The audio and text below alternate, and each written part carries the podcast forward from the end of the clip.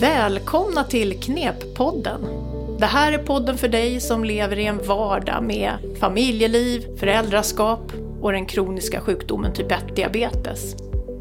Jag heter Ulrika Berg och är barnläkare. Och jag heter Elsa Håkansson och är psykolog. Och vid sidan av våra vanliga jobb, ja, då arbetar vi med Kunskapscentrum för egenvård vid typ 1-diabetes hos barn och unga. Och vi kallar det för KNEP. Och ni kan hitta mer på hemsidan karolinska.se knep. Typ 1-diabetes, vad är det då? Jo, men det innebär ju att ens bukspottkörtel inte kan bilda insulin. Insulin behövs för att blodsockret ska ligga bra och för att socker ska kunna åka in i cellerna. Och därför behöver man, om man har diabetes, ge sig själv insulin dygnet runt och ha koll på sitt blodsocker.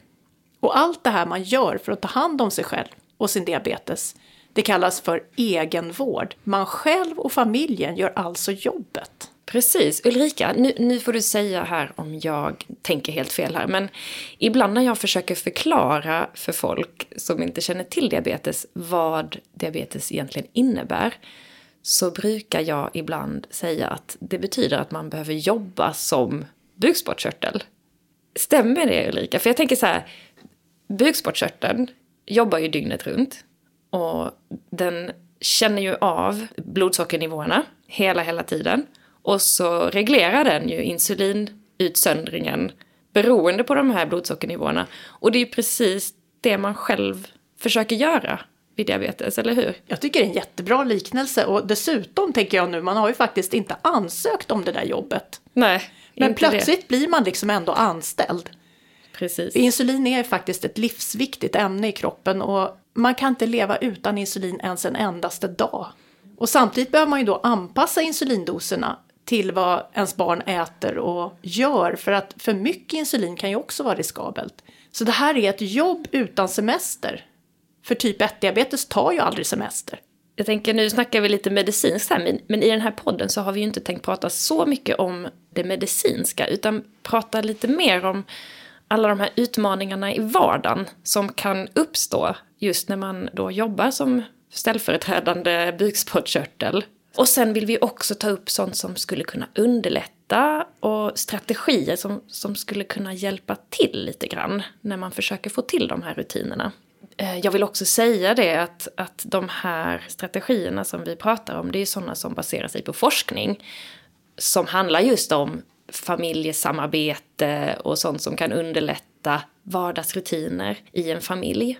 Och sen så har vi försökt sätta en liten extra diabetes-twist på de här strategierna. För vi tänker att de kan vara lite extra hjälpsamma just när man har diabetes typ 1 i familjen. Och dagens avsnitt Elsa, det har jag sett fram emot lite extra faktiskt. För vi ska ju prata om det här med stress och återhämtning. Och det tror ju jag är jätteviktigt. För det är ju klart att det är en utmaning att vara förälder till ett barn eller en ungdom med typ 1-diabetes. Alltså den finns ju där hela tiden, diabetesen, 24-7. Och det är klart att det kan leda till bristande återhämtning. Alltså hur ska man tänka kring det här som förälder? Mm. Man måste ju orka liksom. Att man känner stress och oro, det är en helt naturlig reaktion på saker som händer i livet. Och jag tänker att, att bara att vara förälder innebär ju en del utmaningar i vardagen och svårigheter i att hitta stunder för sig själv och hitta stunder för, för återhämtning. Och om du då dessutom måste jobba som, som den här ställföreträdande bukspottkörteln som vi pratade om, då blir det ju såklart ännu mer. Och det kan vara väldigt svårt, tror jag, för många att just koppla av och få till de här liksom mentala pauserna i vardagen. Då man liksom tillåter sig själv att släppa lite på de här tankarna på, på blodsockerkurvan och, och så. Lägg dessutom till att många kämpar med nattsömnen. Och att eh, behöva vakna på nätterna och hantera larm som går. Då blir ju också nattsömnen störd. Och det gör ju att återhämtningen dels blir svårare att få till och kanske bara också ännu viktigare att få till. En tredje grej är ju också att har du ett barn med en kronisk sjukdom, oavsett vilken sjukdom, men då är det ju också väldigt lätt att glömma bort sig själv. Man fokuserar mycket på barnet. Och inte kanske så mycket på sig själv och sina egna behov. Så att det här är en, en kluring. Och det är ju inte så konstigt att att man ser i forskning det här att föräldrar till barn med diabetes typ 1 oftare drabbas av olika sådana här stressrelaterade problem och, och, att det är höga sjukskrivningstal och så i den här gruppen. Det gäller ju såklart inte alla, vi reagerar alla olika, men på gruppnivå så, så ser vi det här. Men eh, jag tänker Ulrika, ska vi kanske först prata lite om vad stress egentligen är för någonting? Ja, men det tycker jag är bra, för att eh, stress är ju faktiskt en livsviktig reaktion som vi har i kroppen. Det är vår reaktion när vi utsätts för yttre påfrestningar. Och det finns ju där som ett slags försvar faktiskt, för att vi ska kunna mobilisera alla krafter vi har. Mm. Och, och, dels kan det utlösas av plötsliga händelser, ja men till exempel barnet är på väg och springa ut i gatan.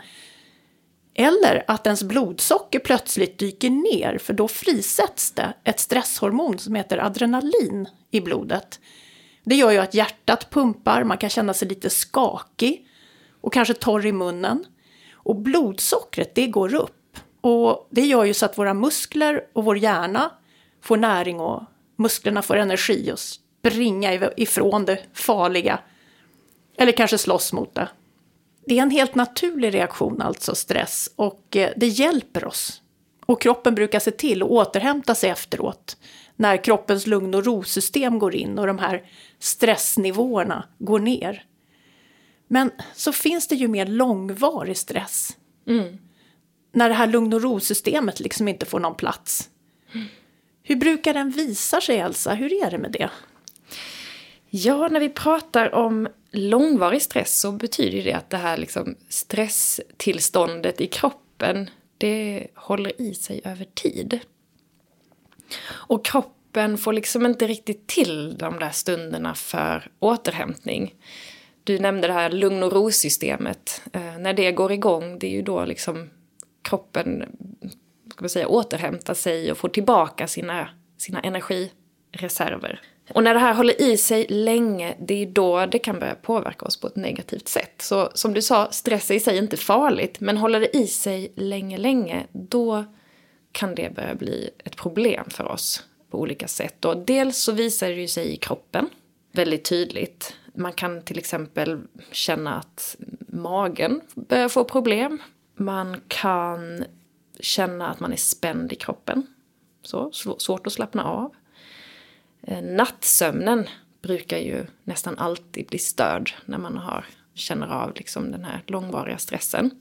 Och det kan till exempel vara att man vaknar för tidigt på morgonen eller man kanske vaknar på natten och så har man svårt att somna om. Och tankarna snurrar, så då är det inte bara det här med att alarmen väcker en eh, från sensorn utan det är ju också då att man kanske men, har svårt att somna om efteråt. Eller att man kanske har Ehm, har svårt att komma ner i ordentlig djupsömn för att kroppen är i någon slags alltid redo-läge.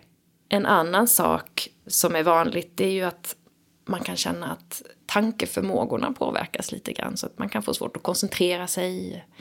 Man kan glömma saker lite lättare. Och eh, sen kan det också påverka ens känslor.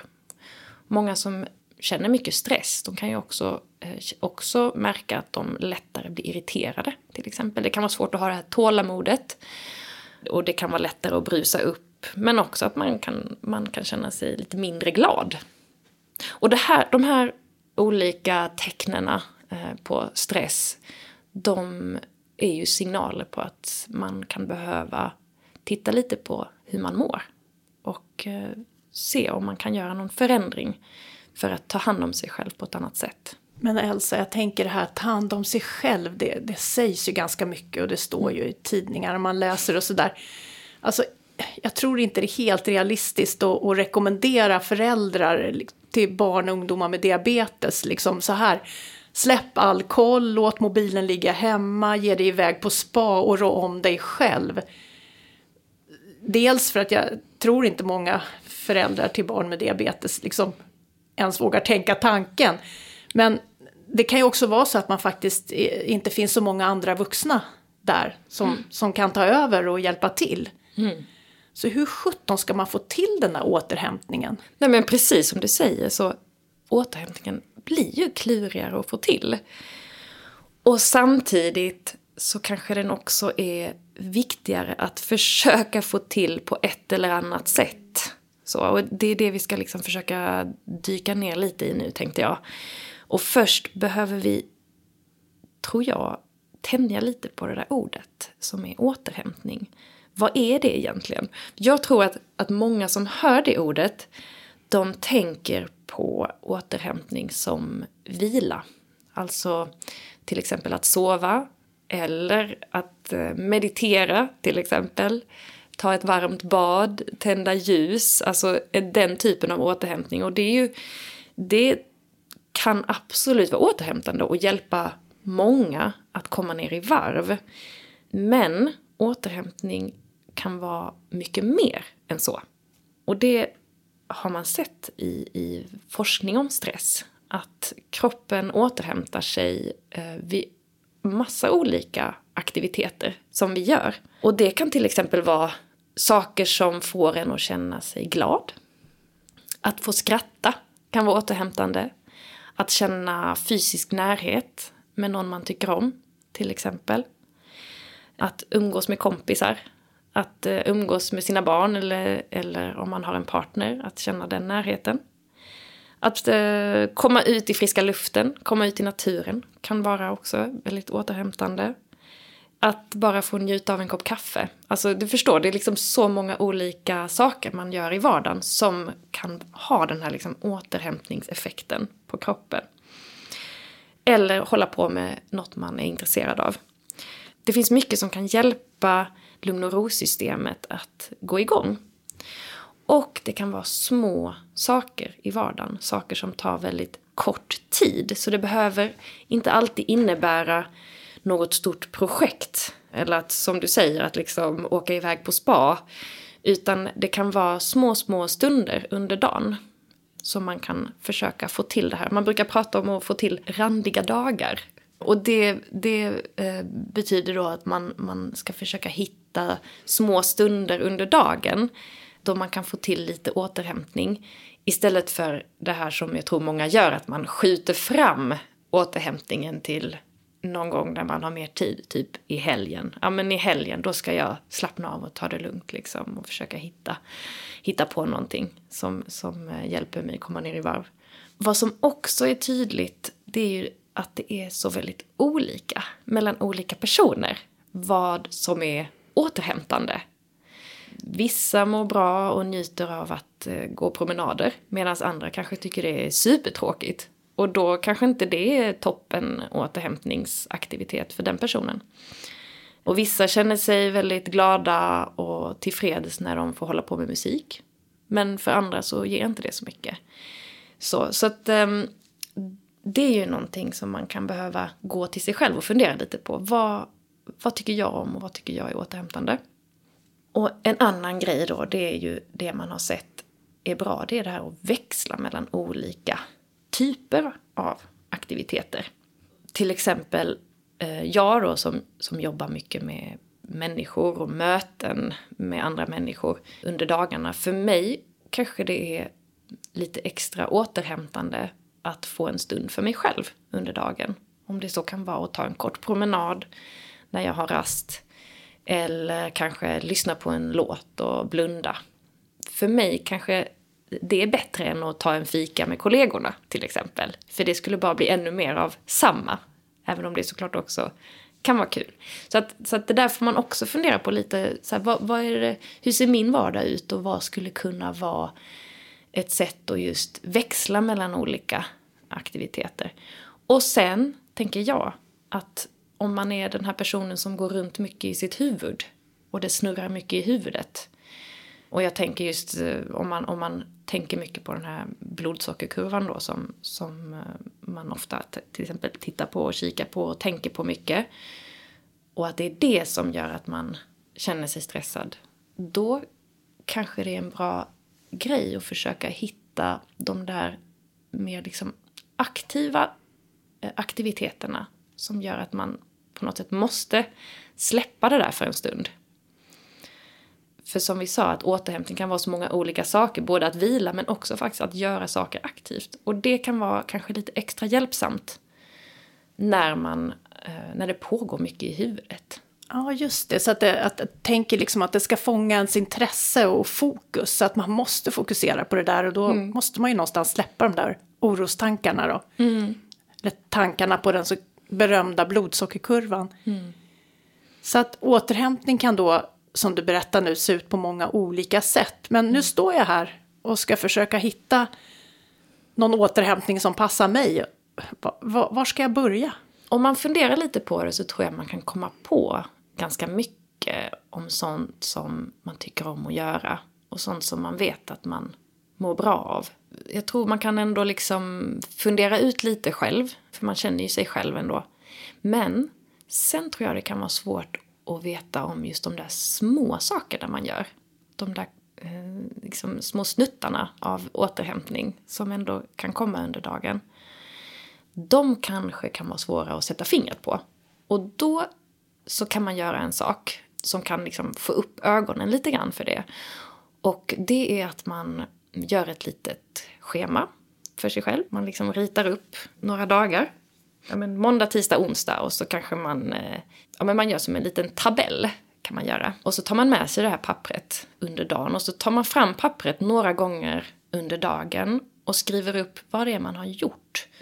Och sen så skattar man då hur tillfreds man kände sig, hur, hur lugn eller glad man kände sig. Och det är en viktig poäng att istället för att gå på jakt efter det där som stressar en så går vi på jakt istället efter det som får oss att känna oss tillfreds. De där stunderna då vi, då vi trivs. Om det så är den där kaffe, kaffestunden, kafferasten klockan tre eller när du sätter på den där låten som du gillar. Det låter ju lite som att forska på sig själv. Man kanske kommer på något som man trodde gav energi som inte gjorde det. Ja. Och tvärtom faktiskt. Ja, precis. Det blir liksom en liten undersökning. När man då tittar på den här listan som man har gjort med, med eh, olika aktiviteter så kanske man kan pinpointa de där sakerna man gjorde när man faktiskt också kände sig tillfreds. Det kanske var den där, när man gick den där turen till kaffemaskinen klockan tre. Eller så var det när man cyklade till jobbet. Eller ja, vad det nu kan vara. Och så kan man skriva upp de där små sakerna. Så får man som en liten lista på små grejer och olika aktiviteter som, som, som man märker är, är positiva för en. Och sen nästa steg är ju då att försöka få in lite mer av det i vardagen. Och då får man ju börja smått. Och ta någonting um, till att börja med kan det vara att liksom ta en extra cykelrunda då när man åker hem från jobbet eller ta en extra runda till kaffemaskinen klockan tio också. Så.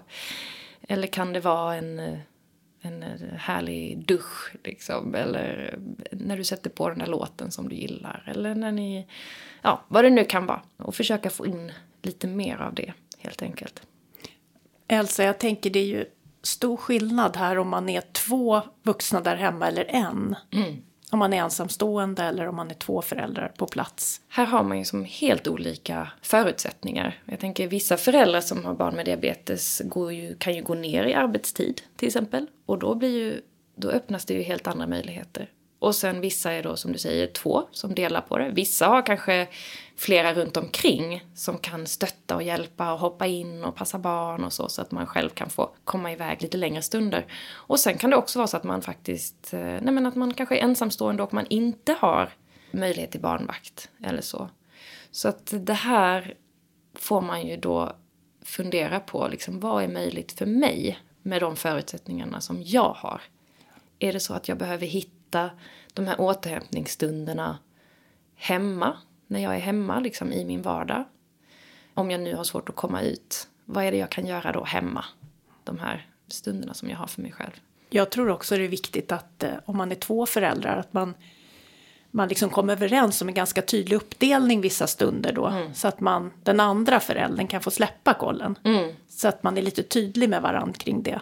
Om man testar det här och så känner man då fortfarande att man är väldigt stressad och trött. Mm.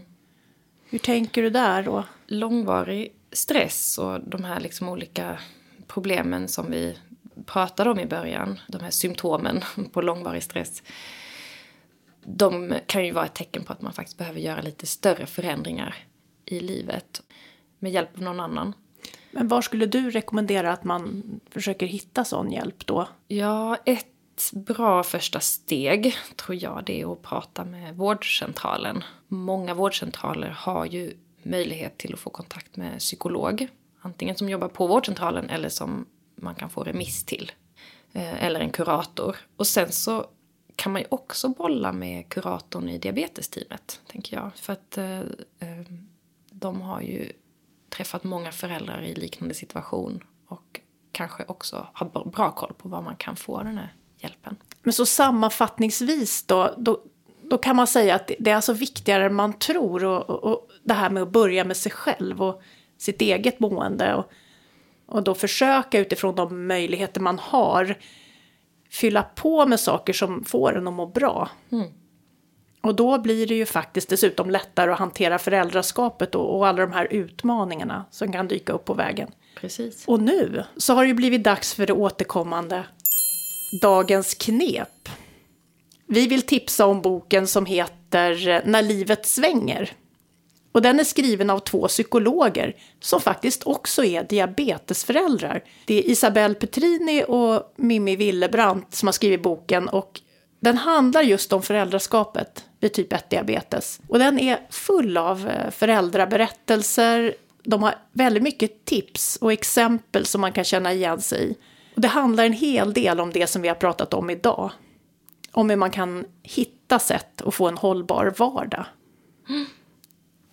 I nästa avsnitt så ska vi ta upp det där som många funderar på. Hur kan man lösa konflikter där hemma som handlar om egenvården? Eller stunder då man är oense eller det finns motstånd runt egenvårdsrutiner. Många tampas med att få det här samarbetet att funka och flyta på.